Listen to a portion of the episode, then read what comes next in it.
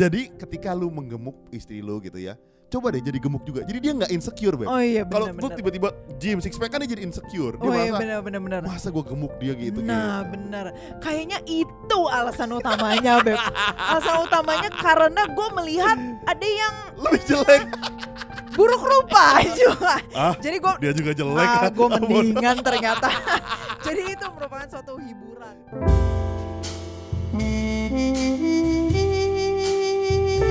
Beb,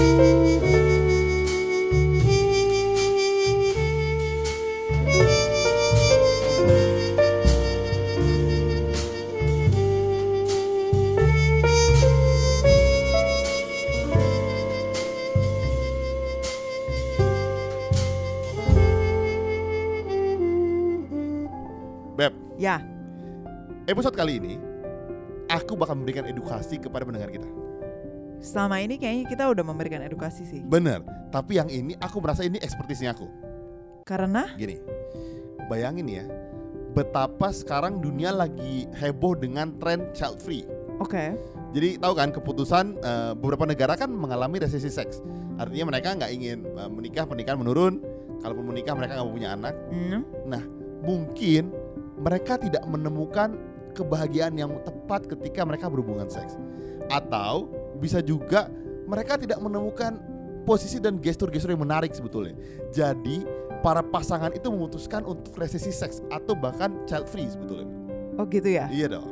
Kenapa bisa begitu Beb? Nah, aku rasa mereka tuh kurang melakukan sebuah imajinasi yang menarik. Oh Iya. Atau justru mereka suka banget sama seks Makanya nggak mau diganggu oleh anak-anak Bisa juga. Iya, ya, gue kalau gak kepikiran. kalau misalnya ada anak-anak kan mama mama mama. Ya tunggu. Lu bayangin lagi ah eh ah eh. Oh, iya. terus habis itu mama uwe uwe langsung off turn off. Bener. Jadi Iya, sebenarnya anak itu bikin turn off kadang-kadang. sebetulnya eh, resesi seks itu terjadi karena mereka mencintai seks dengan sangat. Eh, eh. Bener mungkin bukan resesi seks kali beb. Nah. resesi orgasme. Seksnya banyak tapi nggak nyampe orgasme. Soalnya pas lagi ah gitu terus uwe gitu Eh. jadi mungkin ya. nggak jadi Kita mungkin karena itu juga Eh, jadi nggak punya anak lebih maksudnya jadi Mungkin. cuma punya satu doang mungkin. pas ingin mencoba punya anak lain nggak bisa ketahan Ini kita kurang lebih dua menit pembicaraan kita isinya seks dan orgasme. Ini pendengar kita agak kurang kaget. kurang edu- edukatif berarti ya episode kali ini ya? Bener, agak-agak gimana ya sebetulnya. iya Nah teman-teman sebetulnya kita mau ngomongin soal tren yang lagi eh, child free. Sempat booming waktu itu beb, dibahas sama banyak influencer juga soal Hmm, child free, soal child free, soal mungkin ada faktor agama, faktor lingkungan, faktor juga orang tua dan mertua yang kayaknya kok nggak punya anak sih gitu. Ya. Bahkan teman kita waktu kita pernah wawancara eh, pasangan interrasial memilih juga tidak mau punya anak hmm. gitu karena sampai eh, apa tunangannya calon suaminya bilang kamu gak sayang sama aku ya nggak punya anak padahal suaminya bule gitu. iya iya Dia iya. merasa dia tidak siap secara psikologis Iya. gitu. Nah, pertanyaannya kan begini. Kenapa memutuskan buat tidak punya anak? Coba Beb, kalau kamu, aku tanya dulu kamu. Kalau kamu di posisi perempuan, pernah nggak kepikiran untuk tidak mau punya anak? pernah Gara-gara suaminya memang tidak menyenangkan untuk iya benar kurang tang- bertanggung jawab kan emang I see. Jadi Uh-uh. takutnya punya anak mukanya tidak terlalu menarik. Itu juga atau tubuhnya kurang menarik karena kalau punya Lu anak mungkin dia makin gemuk gitu makanan anaknya dimakanin dia bisa juga kan Oh, suaminya agak brutal juga iya ya. siapa nih sih suaminya Baru tahu gua itu tapi basically waktu itu kenapa kepikiran sebelum punya Ethan ya Enggak. Eh. Dulu pernah kepikiran juga terlintas untuk child free. lo nggak lebih kepada kayak kalau misalnya nggak punya anak Gimana? ya oke juga nih Oh, gitu oke, oke, oke. Gimana, kayak gimana? gitu loh bukan kayak ah enggak gue nggak punya anak oke, gitu oke. kayak bersikeras gitu enggak tapi karena mungkin hidup udah udah bahagia gitu Wih. hidup udah settle Wih. karir juga udah settle em, apa penghasilan cukup lah gitu ya terus sama suami juga em, Hubungan seks lancar. enak gitu ya. Hmm. Nah, jadi kayak kalau ketambahan orang baru gitu seorang anak kayaknya ini gue punya cycle dan gue punya ritme kehidupan itu kayak kurang enak atau terganggu gitu. Karena yang tadinya misalnya gue bisa tidur subuh gitu ya em, apa eh, apa binge watching Money Heist gitu sampai jam 6 pagi terus baru tidur bangun jam 1 pagi atau jam satu siang Hmm. gitu bisa. Ya sekarang nggak mungkin. Adanya juga tidur jam 6 pagi karena biar bis- baru bisa tidur Ah, iya, karena iya, bayinya iya, iya. nggak bisa tidur Iya, gitu iya, kan, iya, bukan iya. karena binge watching Squid Game gitu kayak kayak suami gue gitu. Nah lebih kepada gitu sih kayak nggak mau diganggu ritme kehidupannya. Beb, kalau gitu biasanya orang orang yang decide child free sebelum mereka punya anak pertama ya. Maksudnya setelah punya anak biasanya orang jarang yang bilang gini, oke, gue mau stop nggak punya anak lagi.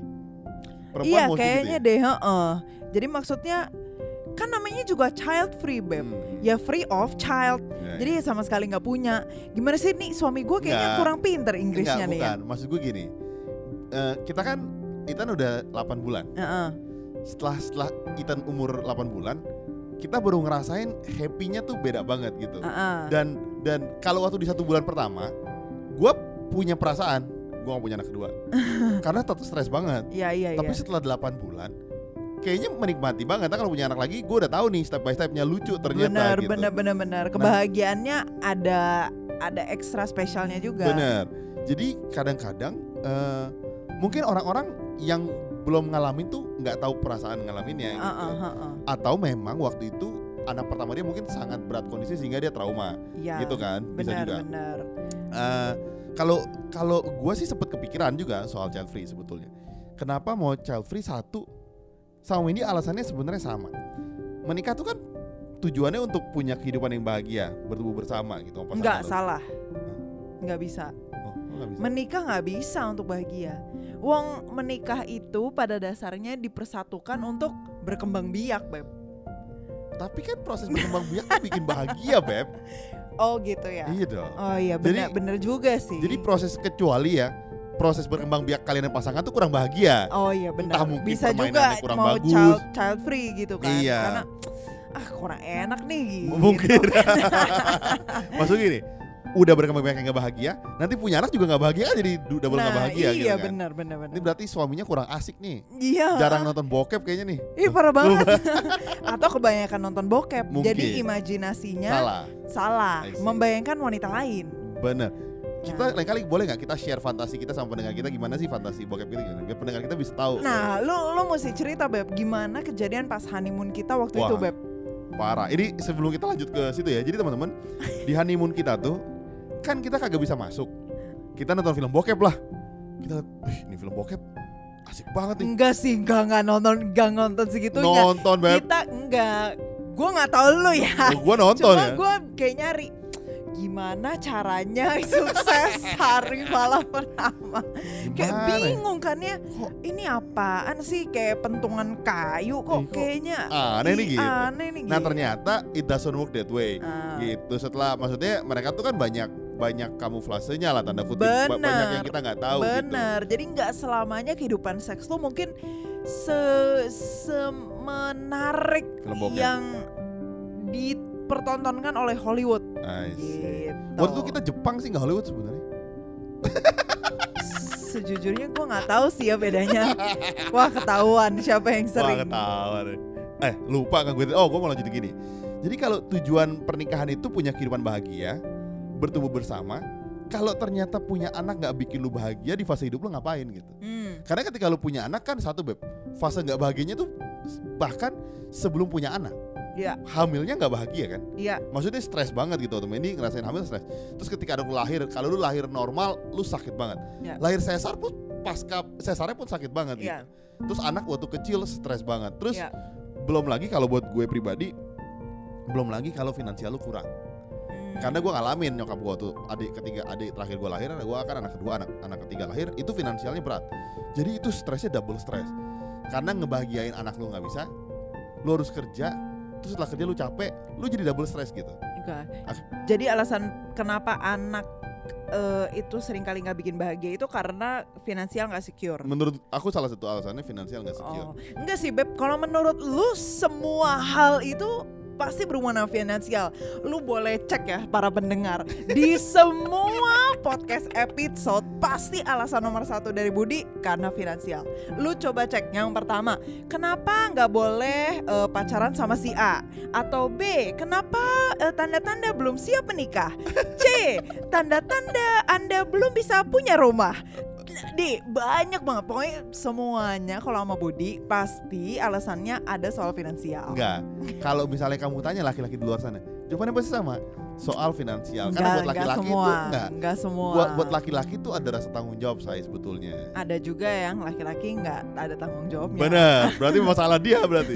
Nah, teman-teman kan sekarang poinnya begini. Kalau gitu, berarti apakah kita mendorong orang untuk child free? Kan Enggak gitu juga. pertanyaannya. Kamu jawab coba. Apakah kita mensuggest orang untuk child free? Hmm, suggest orang enggak sih ya, cuma menurut aku emang em, ada pertimbangan-pertimbangan tertentu yang Sebelum punya anak kan? Iya, sebelum punya anak yang lu mesti pikirkan baik-baik Hmm. gitu atau mungkin em, your life is better off without a child Uh. gitu. Menurut aku sih gitu ya. For some people gitu. Misalnya, Hmm. misalnya em, lu punya sisi psikologis yang em, Berbahaya. berbahaya Hmm. gitu ya. Misalnya lu punya eh, lu sama pasangan lu itu ada kekerasan dalam rumah tangga. So it's it's not better for you guys to child free, tapi it's best for the child Also. Iya. untuk em, apa ya maksudnya anak itu kan nggak minta ya dilahirkan di dunia ya. Kita yang bikin kan? Kita yang bikin, heeh, wow. Tapi maksudku kasihan gitu loh kayak gua nggak tega sih kalau punya apa eh, ngelihat-ngelihat gitu iklan-iklan anak-anak eh, ada kekerasan dalam rumah tangga gitu ya kemarin gue baca eh, ada ibu gitu eh, punya tiga anak tiga tiga anaknya itu diperkosa sama ayahnya. Oh iya, boleh. sampai sulit buang air besar. Oh, gila. lu bayangin kan kasihan banget. Itu kan menurut gua nggak tahu ya suaminya berarti punya punya eh, ada psycho sedikit sih gitu ya. Nah for me oh, kalau kayak gitu sih it's better to be child free gitu. Eh, maybe for for a period of time.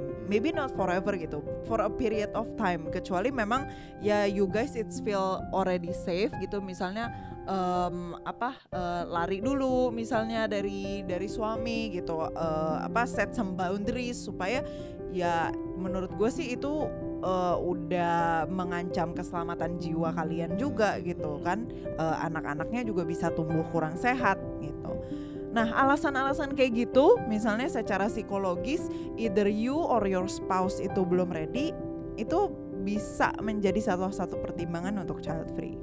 I see. Ini benar juga ya, banyak yang orang tidak sadar bahwa bukan buat lu nya tapi buat anaknya sebetulnya. Mm-mm, yang benar. kasihan gitu. Karena setelah kita punya anak kita jadi sadar ya, anak itu kan nggak tahu mesti ngapain gitu. Dia Benar. dia dia nggak bisa ngapa-ngapain gitu. Benar, it's a blank of paper Iya, gitu. iya, iya. Jadi kita yang membentuk dia. Nah, bayangin kalau di dalam kita punya em, kehidupan, your spouse atau kamu sendiri gitu, secara psikologis mungkin bukan sampai kayak lebay punya kelainan jiwa atau gimana ya, Hmm. tapi mungkin secara psikologis kayak gue kayaknya belum siap nih gitu, atau bahkan kayak gue merasa ada anak tuh eh, burden banget gitu. Hmm. Nah, itu mungkin mungkin aja ada di masa lalu kalian yang membentuk kalian punya pola pikir sehingga aduh kayaknya gue belum siap nih punya anak gitu. And and it's okay gitu loh. nggak nggak kayak aduh kadang-kadang di dunia ini me mempush seseorang untuk kayaknya kalau nikah tapi nggak punya anak tuh Iya, iya, kayaknya iya, iya. kasihan gitu Iya, ya. iya, kayaknya. Yang nggak Siapa tahu mereka happy banget kok gitu. Iya, heeh, gitu. Aku punya kok temen, bukan teman sorry, bekas dosen dulu em, sama istrinya, mereka tidak dikarunia anak gitu. Seneng banget dia bisa beli mobil Jaguar, bisa beli mobil apalah, aduh macam-macam Iya. terus keliling dunia, Mainannya tur, banyak banget ya, gitu. tur ya. ke Eropa, ke Antartika, ya itu mungkin nggak akan bisa dilakukan Iya. kalau misalnya dia punya anak gitu kan, tabungannya mungkin nggak segede Iya, gitu iya, iya. atau mungkin kemampuan fisiknya juga tidak sestabil itu. Hmm. Kalau punya anak kan mesti nunggu anaknya gede Iya, iya, misalnya gitu. I see. Kok dari nada kamu kamu kayaknya nyesel banget punya anak. Jadi kamu tidak bisa Enggak, kamu tidak bisa jalan-jalan ke Eropa. Enggak, Kamu tidak bisa. enggak, enggak. Gue nggak bisa jalan-jalan ke Eropa karena suami gue kalau misalnya ke Eropa dia pengen mencoba sesuatu yang ilegal di Indonesia. Benar.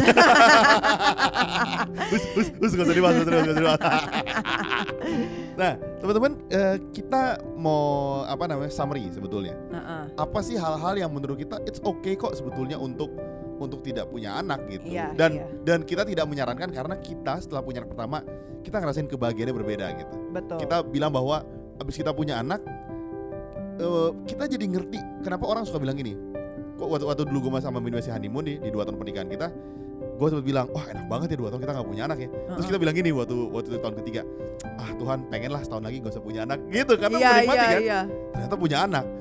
Eh, in the day gue tau Mindy positif hamil, gue agak apa ya, apa ngomongnya? Kayak menyangkal tau nggak? Kayak bilang bahwa ah nggak kali salah kali gitu kan. Ah, Akhirnya kita ah, cek ah, dokter ah. kandungan.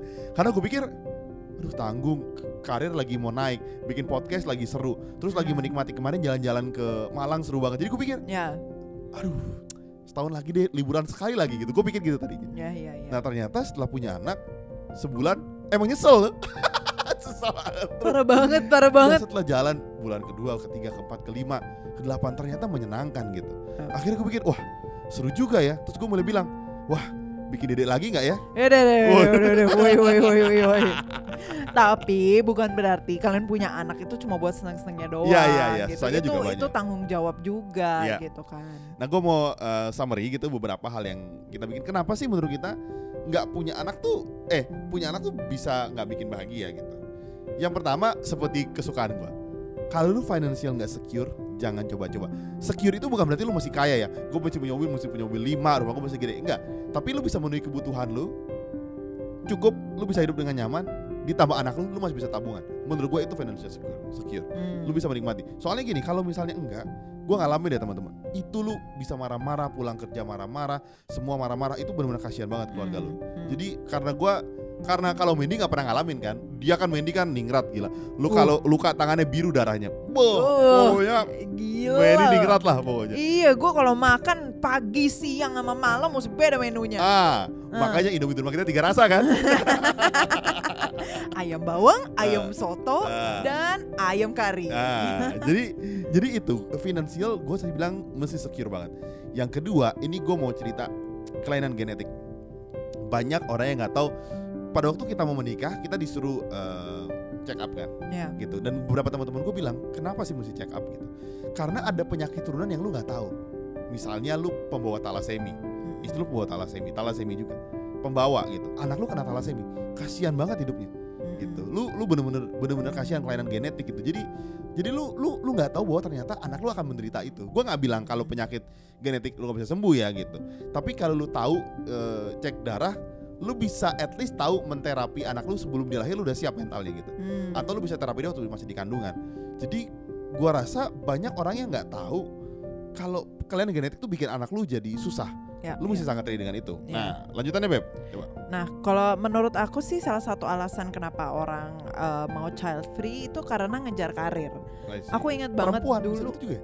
Iya, jadi aku ingat banget dulu ada ada orang lah ya, let's say ada orang gitu em, yang gue kenal dan dia memutuskan untuk eh, nggak free. mau punya anak, heeh, karena kalau punya anak dia nggak bisa ngejar karirnya lagi sebagai apa as a waktu itu? performer. Kalau oh as a As classical a- performer. As a classical performer. Gitu. Dan cewek ini memang akhirnya sampai sekarang sih setahu gua nggak nggak nikah ya gitu. Karena dia memang eh, secara belak-belakan bilang, aduh kalau misalnya ntar gue punya anak, lu yang bisa eh, apa ngejar karir, gue di rumah ngurus anak gitu. Jadi dia nggak mau punya anak gara-gara nggak mau jadi apa seorang ibu yang eh, kehalang karirnya Ngerti. atau kehalang dia punya fame and fortune mungkin karena eh, harus ngurus anak. yang perlu kalian tahu, Mas Mendy itu pianis perform ya. Untuk pianis tuh mereka butuh latihan berjam-jam. Betul. Mereka butuh maintain energinya, musikalitas dia gitu. Betul. Jadi kalau misalnya sehari nggak latihan, misalnya kan langsung drop. Hmm. Nah, lo bayangin aja kalau misalnya punya anak Wah, itu sebulan tiga bulan pertama pasti nggak punya bisa. energi Iya. ataupun waktu bahkan untuk latihan berjam-jam gitu.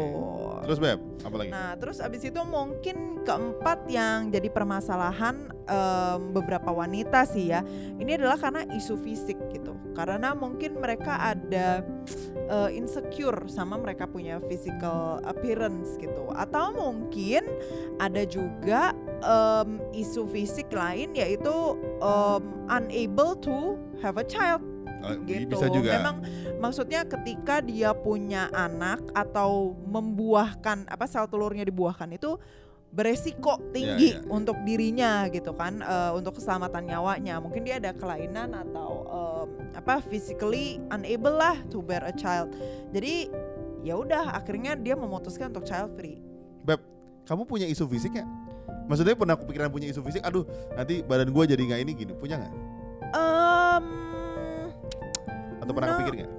Pernah kepikir, pernah kepikir eh, pas hamil sih lebih tepatnya gitu. Jadi pas hamil kayak belum bahkan belum menggendut, belum punya stretch mark tapi udah mikir gitu ya. Aduh, eh, makanya pas pas em, apa trimester kedua gitu pakai oil, pakai oil Itu banyak sangat dijaga supaya. supaya jangan sampai deh, jangan sampai. Tapi by the time the apa third semester nyampe gitu ya ada banyak stretch mark terus sekarang udah lahir Ethan terus udah jalan 8 bulan dan masih gelambir-gelambir dan masih ya nggak seperti dulu lah ya gitu apalagi melihat banyak sekali baju-baju dulu yang yang tidak muat. yang tidak muat atau belum muat gitu ya apalagi kan gue menyusuin Iya, gitu iya, kan iya, jadi iya. Bentuk dan ukuran juga Oh. membawa eh, berliter-liter susu Ya, dalam ya, ya, sehari ya, itu ya, kan ya. pengaruh gitu ya terhadap eh, muat atau tidaknya baju gue gitu.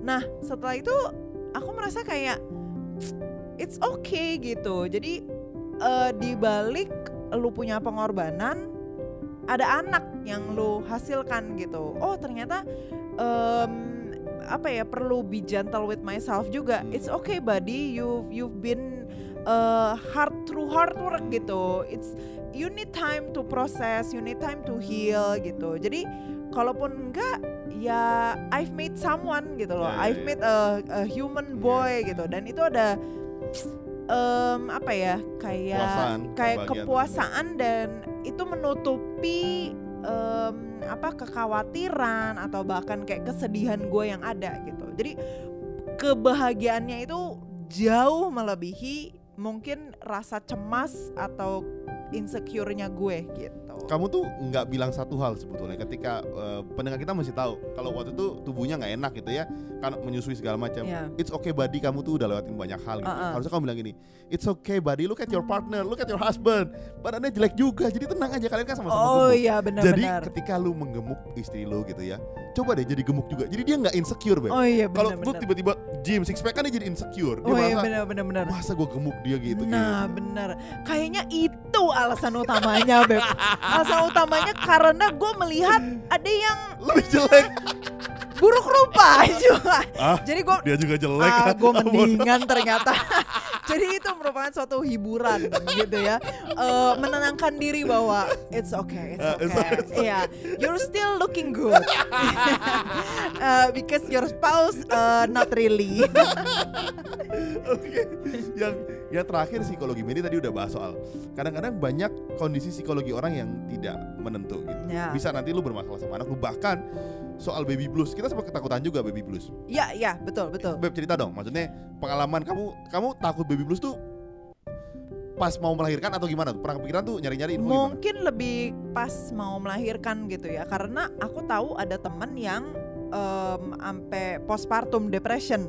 Kalau baby blues itu masih kayak versi ringannya lah gitu, versi ringan eh, misalnya nggak mau ketemu bayinya gitu ya, atau kayak eh, tiap ketemu bayinya sedih mulu bawaannya gitu, Eh, versi light istilahnya. Kalau sampai postpartum depression itu bisa sampai eh, mengancam jiwa mereka, jiwa mereka, jiwa ibunya, misalnya dia ingin bunuh diri atau mencelakakan anaknya, ingin bunuh anaknya. Teman kamu ada yang sampai Oh, kalau yang sampai post eh, oh sorry sorry baby blues deng Oh, sorry ah. temen aku baru sampai baby blues kalau sampai depression enggak enggak jadi aku pernah baca memang ada ibu yang sampai depresi gitu sampai ngebunuh anaknya sendiri gitu karena anaknya nangis terus gitu tapi suaminya nggak mau tahu suaminya minta dibikinin masakan aduh. rumahnya tetap mau uh, Bersih. clean bersih Waduh, waduh, tapi waduh. anaknya nangis terus Hmm. gitu dia sendiri nggak punya waktu buat makan buat mandi gitu kan ini aja kita berdua punya apa punya suami yang sangat suportif aja. Karena gue juga nggak punya waktu makan punya mandi. Iya bener. gitu. nah apalagi kalau suaminya nggak suportif gitu kan. Jadi gue nggak kebayang deh I gimana see. rasanya. nah menurut aku itu itu salah satu pengaruh juga sih.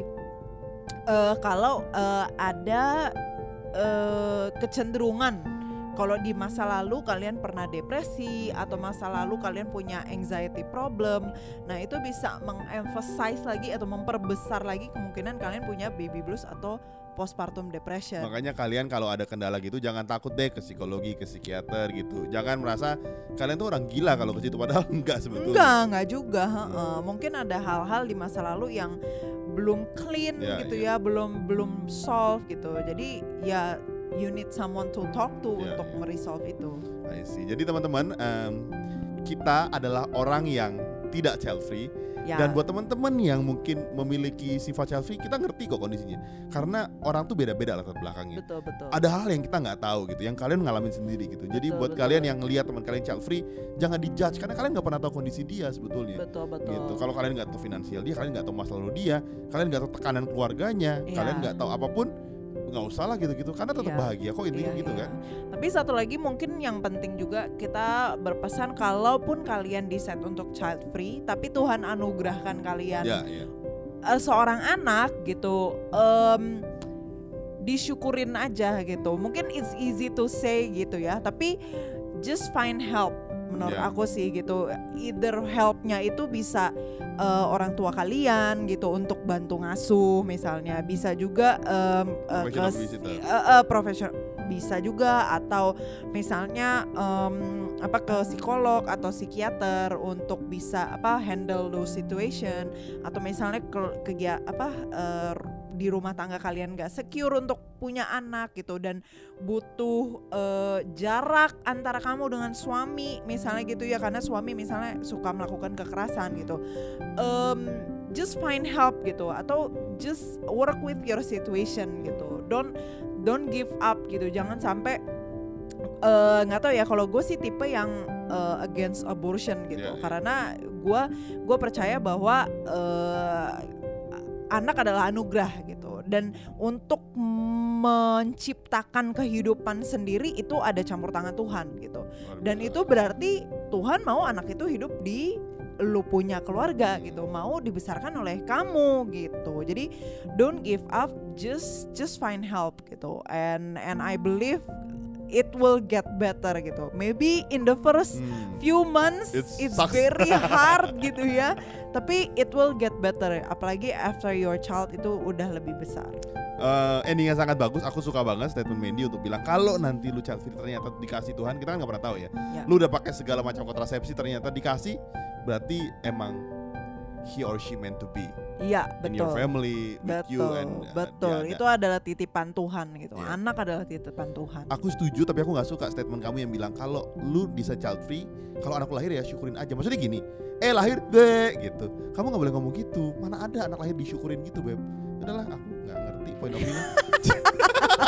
view-nya. Jayus gila Jayusnya tingkat tinggi Jadi buat buat teman-teman yang mau cerita-cerita sama kita, kalian bisa DM kita ke at pilotalk.podcast ada juga bisa email kita ke pilotokpodcast.id. Kita mau ingetin bahwa teman-teman yang DM kita tuh banyak. Jadi kadang kita tuh balesnya agak lama karena banyak satu-satu Mm, gitu. mm, mm. Jadi eh, kita pasti baca satu-satu, kita dengerin dan topiknya kalau bisa kita angkat kita pasti angkat. Ya. Jadi sampai situ aja. Sampai ketemu minggu depan Bye bye. Kalian tahu nggak sih rahasia bagaimana kita berdua bisa bikin konten setiap minggunya secara rutin? Ternyata rahasianya ada di Nasi Padang. Jadi, gengs, tiap kali si Budi itu makan, Nasi Padang. dia punya kemampuan berpikir dan kreatif itu semakin meningkat. Jadi, kalau kalian mau beliin kita, Nasi Padang. boleh ke Karyakarsa.com slash pilotok ID. Tenang aja, aku kalau nasi padang tuh murah kok. Nasi, sayur sama kuah, paling 10 ribu. Iya, karena kemampuan perut Budi akan bertambah dengan cepat kalau dia makan karbohidrat aja. Jadi, jangan lupa ke karyakarsa.com slash pilotokid untuk support kita ya.